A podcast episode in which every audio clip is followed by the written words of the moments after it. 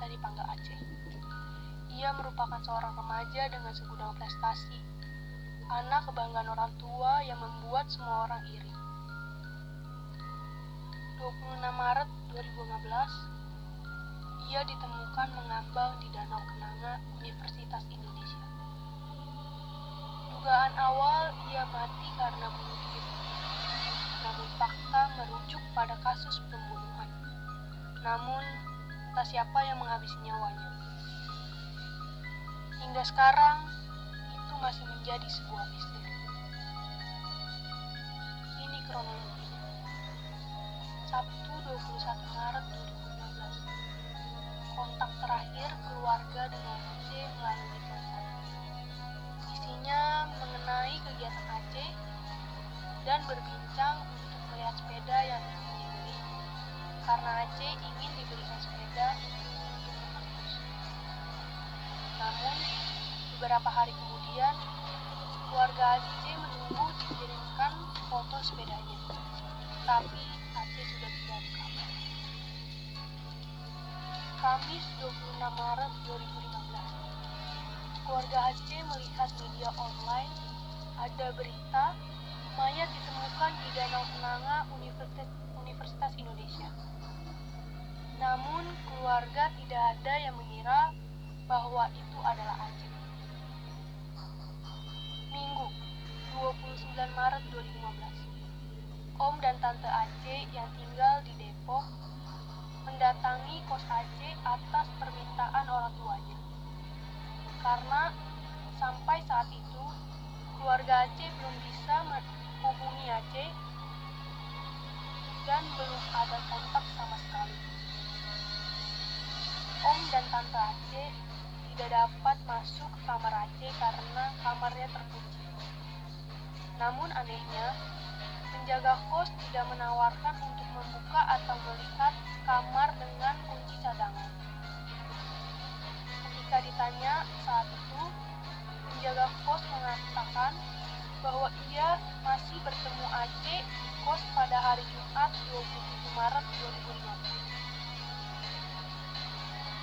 Pada malamnya, pukul 9 malam, HP Aceh yang tidak aktif sejak berhari-hari sebelumnya, kemudian tiba-tiba aktif. Keluarga sempat berbicara pada orang yang memegang HP Aceh dengan menanyakan kabar Aceh. Namun orang itu adalah teman Aceh menyatakan bahwa tidak tahu keberadaan Aceh karena sudah lama tidak bertemu. Namun anehnya, teman Aceh itu mengaku sedang berada di dalam kamar kos Aceh. Keberadaan temannya itu di dalam kamarnya bukan atas permintaan keluarga. Ia menyebut bahwa dirinya juga sedang berada di kamar Aceh dan diberikan akses masuk oleh penjaga kos menggunakan kunci cadangan. Padahal, Om dan Tante Aceh tidak diberikan akses masuk. Pada saat itu juga, teman Aceh tidak mengonfirmasi situasi keadaan kamar Aceh atau hal apa pun pada orang tua Aceh. Ternyata teman Aceh tersebut diketahui tidur dan menginap di dalam kos Aceh atas permintaan penjaga kos. Keesokan harinya, ayahnya terbang menuju Jakarta untuk mencari informasi langsung terkait keberadaan Aceh. Atas saran seorang kerabat, ayah Aceh menuju RS Polri Keramat Jati untuk melihat jenazah yang ditemukan di Danau Kenanga UI. Saat itu ayah Aceh tidak bisa memastikan jati diri jenazah tersebut karena sangat sulit untuk menginformasi hanya dari fisik jenazah yang penuh lebam dan wajah menghitam. Dari sisi lain, Ibu Aceh yang berada di Yogyakarta kembali mencoba menelpon HP Aceh. Terdengar nada sambung, namun tidak diangkat. Ibu Aceh lalu menelpon penjaga kos. Penjaga kos menyampaikan bahwa Aceh belum pulang Dan pada saat itu, banyak teman Aceh berkumpul di kamar Aceh sedang berusaha mengotak-atik dan mengakses laptop Aceh yang memang selalu dipasang password oleh Aceh. Diketahui bahwa yang berusaha membongkar membongkar laptopnya bukan hanya teman satu jurusan, namun juga ada mahasiswa jurusan lain. Ibu Aceh lalu meminta penjaga kos agar teman Aceh mengangkat telepon lewat HP Aceh. Temannya menyebutkan bahwa ia menemukan surat di kamar Aceh, namun tidak diberitahu apa isinya. Di lain sisi, ayah Aceh pergi ke UI dan menuju ke Fakultas MIPA untuk mencari informasi Aceh. Ayah Aceh bertemu dengan dua teman Aceh, lalu salah satu dari mereka menyerahkan surat yang dinyatakan ditemukan di kamar Aceh saat ia masuk dan menginap di kamar Aceh malam sebelumnya. Ayah Aceh kembali ke Polsek Beji dan akhirnya ayah Aceh diizinkan untuk melihat perlengkapan yang dikenakan oleh jenazah waktu ditemukan di Danau Kenanga UI. Setelah melihat, ayah Aceh mengonfirmasi bahwa jenazahnya tersebut adalah Aceh. Setelah mengonfirmasi, polisi lalu bergerak ke kos Aceh. Saat polisi tiba ke kamar Aceh, kamar tersebut sudah dalam kondisi berantakan. Laptop dan HP sudah diotak-atik. Dugaan polisi pada saat itu adalah bunuh diri karena ada surat yang ditinggalkan oleh. Namun, keluarga Aceh sangat meyakini bahwa Aceh merupakan korban pembunuhan. Keluarga Aceh juga menduga pelakunya adalah orang dekat dan mengenal Aceh dengan baik. Pelakunya juga lebih dari satu.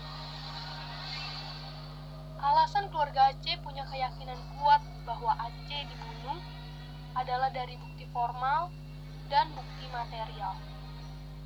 Bukti formal antara lain ialah surat yang dikatakan ditulis oleh Aceh. Material dari surat itu juga diyakini keluarga bukan tulisan Aceh.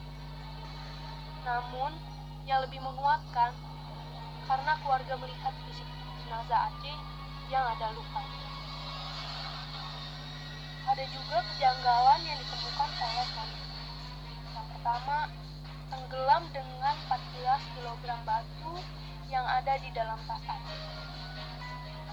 Yang kedua, ada robekan sepatu. Diduga Aceh diseret dalam keadaan tidak sadar.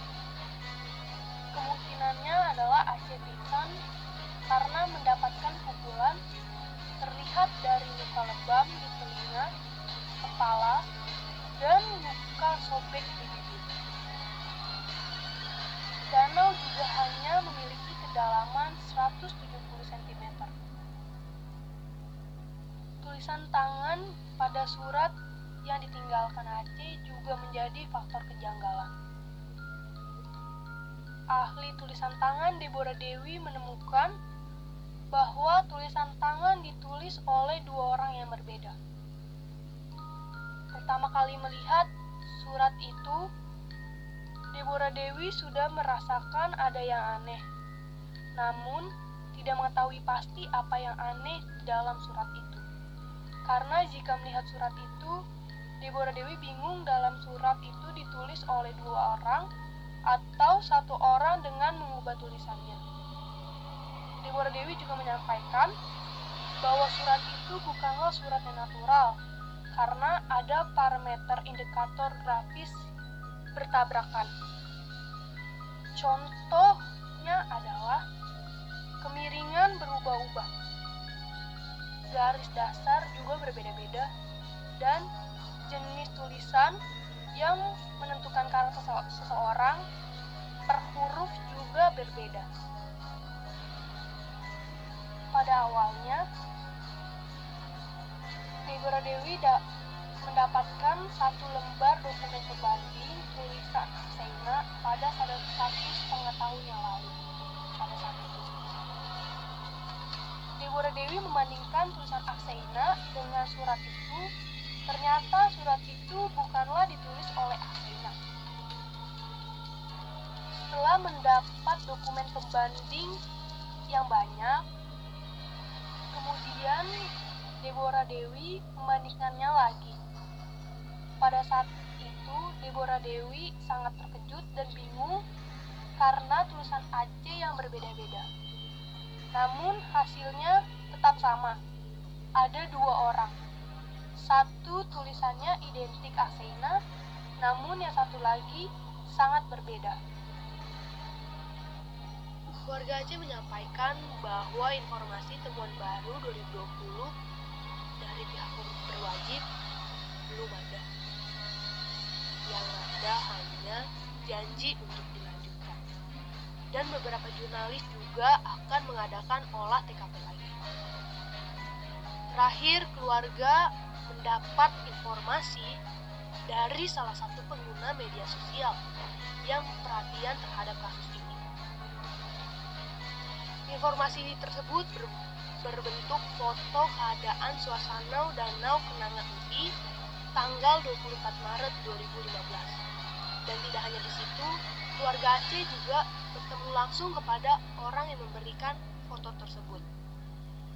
Namun yang disayangkan, foto tersebut diambil dari perpustakaan yang berjarak lumayan jauh dari Danau Kenanga UI.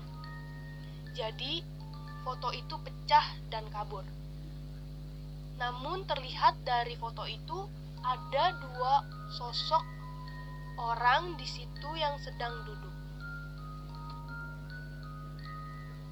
Pendapat seorang Adrianus dari keluarga besar UI yang berpendapat bahwa kasus ini tidak terselesaikan sehingga saat ini karena ada bukti rusak yang muncul karena niat baik dari teman-teman sehingga polisi susah membuat konstruksi kasus. Dan juga ada faktor lain yaitu karena adanya pergantian Kapolres baru. Keluarga beranggapan bahwa kasus ini adalah hutang negara dan hutang Nah, itu dia tadi Bella cerita tentang kasus belum terungkapnya pembunuhan terhadap mahasiswa UI yang sudah berlangsung lima tahun ya Bella? Iya, lima tahun dari 2015 sampai sekarang belum ketemu tuh pelakunya siapa. Oh bisa gitu ya Bella? Kalau menurut Bella sendiri nih, Iya. namanya siapa by the way? Nama mahasiswanya? Akseina Ahad Rodi atau dipanggil Aceh, panggilan Oh. akrabnya. Aceh dipanggilnya. Itu Iya, setahu gua kan dia berprestasi banget ya Bella? Pinter banget gitu. Iya, berprestasi banget. Iya benar, di bidang biologi, IPA. Wah, gua dengernya udah nyerah di bidang biologi. Udah pinter di bidang biologi. Udah secure. Nah, secure. Juga IPA. dia, dia katanya dia udah masuk UI jalur undangan lagi kan nggak nggak tes ya Iya. Jadi Iya, dia benar. pernah menang Eh, olimpiade biologi gitu tingkat tingkat apa kan nasional apa apa internasional gitu nasional mungkin ya pernah menang nasional, nasional. nasional jadi dia Nasional. diundang sama UI wah keren banget Iya. tapi kok bisa ya Insecure. kadang kadang malah orang-orang kayak gitu yang udah bernasib sial sampai sekarang Kurang ajar lu, Rat. Gak boleh ngomong gitu. oh nggak boleh Jangan, jangan. Ya, Iya. maksudnya sampai sekarang juga nggak ada yang tahu kan maksudnya bukan orang yang bermasalah atau gimana kan ada Iya. biasanya kayak gara-gara dia selengean atau dia macam-macam sama kakak kelasnya atau gimana gitu kan kalau ini sih Tapi kan kita nggak tahu. iya sih tapi kalau kita cuma lihat background dari depannya aja nih maksudnya sekilas aja sih Sekilas. kayaknya Iya. sih aneh sih ya maksudnya Iya, apalagi polos, kata pinter kata iya apalagi kata teman-teman dekatnya dia adalah orang yang tertutup. Mm-mm. jadi makanya mungkin kasus salah satu faktornya juga karena karena itu kali. Iya jadi polisi dia susah nyari tahu. Dia nggak berani ngomong. Banyak sih orang kayak gitu kena masalah gitu kan. Iya. Dia takut kayak lu tau gak sih banyak orang yang misalnya dilecehin sama keluarganya sendiri gitu. Misalnya ini kan sensitif Iya. tapi dia nggak berani ngomong karena misalnya kalau gue apa anak perempuan gue misalnya ya amit-amit. Misalnya gue lecehin dia nggak berani ngomong ke emaknya karena eh, karena kan nggak etis gitu ya ngerti gak sih bang satu nggak Iya, paham. kedua takut dia juga yang disalahin makanya gitu-gitu lah Iya. mungkin ada gara-gara masalah kayak gitu juga sih karena kan ada yang santai Ah. ada yang takut gitu enggak, kalau menurut gue sih ya, kalau dia itu kata orang tuanya anaknya yang tangguh. Menurut gue sih, kalau kata keluarganya kan, kan ada sempat ada bilang, mungkin ya kemungkinan sih karena dia orangnya tangguh, dia maksudnya berargumennya juga eh, gimana ya, gak mau, maksudnya dia mempertahankan argumennya banget gitu. Mungkin karena itu juga ada orang yang nggak suka sama dia, jadi eh, eh, mungkin karena kesel argumennya dipatahin sama si Aksena karena dia pinter juga kan. Mungkin bisa juga karena itu. Jadi walaupun dia Kan- tertutup tapi orangnya ini ya kalau soal pendapat dia Iya. terbuka ya. Maksudnya suka kayak iya. kritik. Orang ambis orang ambis bukan kita banget. Jadi tapi eh, sal- salut juga sih sama orang-orang banyak yang peduli banget dengan kasus ini sampai ada di Instagram peduli Aksena terus juga di Twitter kan sempat trending topik iya sih. Sempat naik naik lagi sih kasusnya karena kan di Februari kalau nggak salah di awal tahun ini eh, udah ada beritanya lagi tuh. Polisi mau bukan? nyari lagi. Iya olah TKP ulang terus saya tahu gua kalau yang eh, Instagram dia itu yang peduli Aksaina itu keluarganya yang buat bel sebenarnya. Keluarga yang buat tapi kayak minta bantuan sama orang-orang juga tapi orang-orang juga bantu support naikin juga segala macam. Tapi keren Iya. juga berarti sama keluarganya. Inilah kita udah Iya. dua kasus dua-duanya kita dapat uh, pelajaran penting sih kalau menurut gua. Kita lihat segimanapun orang lain tetap aja keluarga tuh mau bertahun-tahun kita satu. pasti nggak bakal rela gitu se Iya. sekuat itu se mempertahankan itu nggak percaya sama apa yang terjadi gitu kan padahal mah kalau kalau kita pikir secara logika aja eh, kasarnya ngapain sih urusin yang udah mati gitu maksudnya kalau ini bukan Iya. keluarga ya pasti teman-temannya juga setahun sedih dua tahun tapi kalau ya udahlah ya tiga tahun ya berlalu iya teman-temannya juga udah wisuda kali Eh. teman-temannya iya juga ya iya makanya hmm, ada ada salah satu keluarga besar dari UI juga ngomong kan kayak susah nyari saksinya karena mereka udah lulus. Hmm, iya sih bingung hubunginnya kan. Kalau masih ada ikatan dengan kampus kan mereka gampang kan dihubungin. Iya benar. Lagi juga hmm, banyak sih kejadian janggal banyak sih. Kalau tetap iya tapi kalau menurut gue ya kasus-kasus kayak gini tuh yang harus diselidikin biar si pelaku jerah dan yang lain kalau misalkan mau mau bikin per- pembunuhan rencana juga mikir-mikir juga. Karena kan nanti terungkap juga sepintar-pintarnya tupai melompat dia akan terjatuh juga. Iya. Biar maksudnya bikin jadi pelajaran gitu. Biar nggak diremehin soalnya juga. kok iya biar gak diremehin. Soalnya juga biar kita juga gimana ya ada respect juga ke polisi. Kalau kayak gini kan kayak jadinya ah polisi gimana sih? Tapi kan belum tentu juga salah polisi. Tapi kan pasti ada pendapat orang yang mem- apa ya berpendapat bahwa polisi yang kurang bagus gitu kurang teliti lagi. Sama aja sih kayak kasus keluarga saudara kemarin yang harusnya kalian udah nonton juga ya. Jadi kan polisi udah nolak. bukan baru nonton coy dengar oh denger iya. Lupa. Baru episode 2 lupa. Jadi itu juga mereka nolak kasih keterangan kan.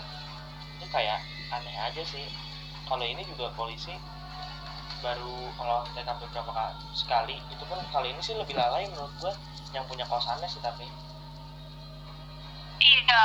Antara dia lalai. nggak tahu itu lah eh Iya. kalau misalnya dari pendapat gue ya ras gue nggak tahu itu lalai atau kerja sama sih. Nah itu juga yang gue pikirin sebenarnya. Masa iya karena masa ya janggal sih banget segitu banyak orang kalau tadinya cuman misalnya eh, dia tinggal berdua sama orang terus orang ini diizin masuk untuk ngapa-ngapain oke lah karena kan kamar dia juga kalau ini kalau ini kan kamar orang. Gimana pun juga yang punya kosan bertanggung jawab sih seharusnya. Iya makanya itu. Ya itu mah gimana kita serahin ke pihak berwajib aja lah. Orang tua juga bilang segimana cari solusi gimana berusaha. Tapi kan yang bertindak kan pihak berwajib sepenuhnya. Jadi ya kita banyak-banyak berdoa aja. Semoga si pelaku dikasih hukuman setara biar jerak. Karena sadis dia soalnya kan yang dibunuh kan orang yang gimana bisa jadi berpengaruh sebenarnya buat buat Indonesia Iya, ke depannya kan Iya bisa jadi loh. Apalagi dia juga pinter banget. Bisa aja kan dia mahasiswa Iya, biolo- mahasiswa biologi ya. Bisa aja pas dia lulus harusnya dia nemuin vaksin corona. iya bisa juga ya kan anak MIPA kan Iya. anak pinter Kalau kita mah nggak nyampe. Dia mungkin aja. iya Kita nggak tahu. iya mungkin karena karena apa yang pelakunya merasa bersaing kalah saing Nih tersaingnya. iya Kayak banyak sih pelakunya yang janggal pelakunya gap year. Jadi nggak kuliah. Ngiri sama dia. Jalur undangan ya kan. ya Terus kalau makanya kalau menurut gue yang dilanggar di sini bukan cuman kayak pembunuhannya atau gimana nya tapi kayak eh, untuk segitu banyak orang masuk kamar tuh menurut gue apalagi orangnya lagi nggak ada itu melanggar privasi banget sih kalau gue sendiri yang digituin Iya. gue sih marah jujur aja maksudnya segimanapun gue deket sama orang kalau tanpa izin gue dan apalagi gue lagi nggak ada di rumah itu aneh sih menurut gue iya malah orang apa tante sama omnya nggak dikasih izin masuk kan? Bukan nggak dikasih izin nggak dikasih kunci akses Iya, cadangan. Malah aneh. Apalagi yang datang Iya, bukan cuman bukan cuman kalau tadi oke lah kalau teman gengnya atau gimana nya yang kayak uh, teman bangku atau apa. Ini jurusan lain juga ikut masuk. Iya ada jurusan lain. Ikut bantu retas komputernya lagi menurut gue sih itu bukan Iya. tugas mereka sih. Harusnya mereka Iya. panggil polisi aja walaupun mereka mungkin bisa tapi kan kita nggak bisa percaya sama siapa pun dalam kasus kayak gini itu kalau lebih berwajib iya tapi kan sebenarnya kan yang mereka retas kan sampai sekarang kita nggak tahu ngakses buat apa. itu yang kita nggak tahu. Mungkin dia niat baik mungkin juga emang dia mau ngilangin jejak. Kalau kita mau negatif thinking kan Iya, tapi kalau dari pihak keluarga sih udah pasti meyakinkan bahwa tersangka adalah seorang yang kenal dekat dengan si Aceh. iya mungkin salah salah satu dari yang masuk itu atau mungkin temannya atau kan dia nggak berani jadi mungkin nggak Iya. dilakuin sama satu orang sih soalnya ini menurut gue cukup pinter sih Tapi menurut gue sih kita nggak bisa nyalain siapa siapa ya. Kita nggak tahu dia dibunuh sama siapa. makanya ini kan cuman asumsi dari keluarga juga. Kayak banyak dari sih. keluarganya. banyak Iya. sih keluarga yang lo tau gak sih kasus banyak kasusnya yang kalau nggak terungkap ya misalnya nih. Itu pasti nanti keluarganya Iya. masih ikut sampai sekarang tapi kayak yang nggak nyerah aja gitu. Yang setiap Iya, hari yang setiap hari apa tuh bawa pakai baju hitam hitam sama pakai payung hitam di tetap demo. Gara-gara eh, anaknya hilang kalau nggak salah kasus Trisakti deh pokoknya kayak gitu loh. Jadi Oh, oh iya. mereka tetap berusaha Ya, aja banyak gitu. sih. padahal mah, ya gimana ya nggak didengar juga sebenarnya. Mau mau dibilang didengar tapi nggak dilanjutin kasusnya. Sama aja kayak ini sih. Iya, iya. terus semoga aja ini Iya, tapi kasih tekanan ke polisi biar dilanjutin lagi sih. Karena kan sebenarnya masih ada sih titik terang beberapa. Karena kan baru lima tahun juga. Lima tahun tuh berarti bukti-bukti hidup masih ada saksi hidup masih ada walaupun udah ke mana-mana kan masih Iya. ada gitu. Jadi sebenarnya nggak susah. Maksudnya susah sih. Nggak susah gaya banget gue. Kalau kayak Enggak, tapi menurut gue sih benar kata pendapat keluarganya bahwa ini adalah utang negara dan utang kepolisian karena kan di mana kita kan sebagai masyarakat harusnya kita dilindungi. Kalau kayak gini kan jadinya orang lain ya termasuk orang tua jadi was-was kan kalau anaknya kuliah. Iya. Takut ya sih jadi nggak ada jaminan keselamatan. Ya? iya apalagi itu di universitas terkenal ya. UI Universitas- Indonesia. Udah ada terkenal kasus kayak gini Iya, belum terkenal orang pinter Iya, juga. semua orang tahu sih. Iya. Kita banyak juga yang yang tahu. So, iya satu, satu, satu Indonesia nih. Ya siapa namanya yang nggak tahu? UI namanya Universitas Indonesia lagi. Dan itu apalagi malunya lagi kalau menurut gue ya malunya buat negara lagi. Di UI itu bukan orang Indonesia doang loh bahkan banyak yang sekolah dari luar ke UI nah kayak UI Iya, itu makanya. banyak banyak orang luar. Sayang banget sih kalau kalau nggak di kayak ibarat kan ini juga ini, ini nama baik UI juga kan merusak nama baik walaupun nggak banyak sih. Iya. Tapi ya semoga Iya, nggak dilupain gitu aja lah. Iya menurut gue sih ya kita doain aja lah yang terbaik. Gue juga berharap sih polisi se- secepat-cepatnya karena biar nggak ada aceh-aceh di luar sana aja. Eh, gue boleh ngomong aja ya. dibuat boleh di penjara Di 50 penjara. tahun nanti gua dikomelin sama Lutfi hmm. udah sih paling itu aja ya Bella kenapa? paling itu aja sih lo mau nambahin apa lagi iya ya gue mau nambahin gimana ya gue juga kan nggak tahu pelakunya siapa ya. Jadi gue berharap se- segera secepatnya gitu polisi bertindak. Jangan sampai ada aja-aja di luar sana. Terus juga biar keluarga juga merasakan kepuasan. Sebenarnya kita juga nggak mau gimana ya nggak mau hukum mati itu si pelaku. Enggak enggak kan? Gue juga kalau cuman maksudnya cuman kita ngebuktiin bahwa polisi Indonesia itu kerjanya baik gitu. Iya. Walaupun kasusnya sesusah apa yang nggak bisa dituntasin menunjukkan bahwa Indonesia itu hukumnya adil polisi itu kerjanya nyata. Menurut gue sih gitu percaya. sih. Masih berusaha percaya juga iya. Sebenarnya biar biar ada juga efek jerak pada si pelaku. Ntar juga si pelaku kalau misalkan misalkan ya si pelaku masih hidup. Kayak oh ya gue aja pas membunuh anjing gak ketahuan nanti gue membunuh orang lain lah. Dengan cara yang hampir sama yang bikin sebuah drama kan awalnya kan diduga kan ya bunuh diri kan? Iya. Karena ada drama. Mm-mm. apalagi dia, dia gendong batu gitu kan. Padahal menurut gue justru kalau orang bunuh diri ngapain gendong batu gitu biar tenggelam? Dia cuma jeburin diri juga tenggelam kan? Tapi danaunya itu cuma 170 cm Raj. Makanya. Logikanya tenggelam tenggelamnya juga kayaknya nggak mungkin deh logikanya lu nggak bakal nggak bakal jeburin diri ke situ sih kalau lu mau bunuh diri. Iya. Banget nggak bakal iya makanya gitu. kan. Iya. Ya udah sih. Dari gue sih itu aja. Udah ya pendapat kita iya gue juga.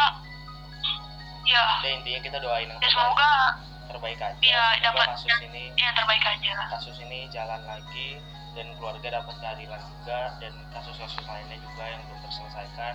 Iya nama gue biar Angga. kita tahu.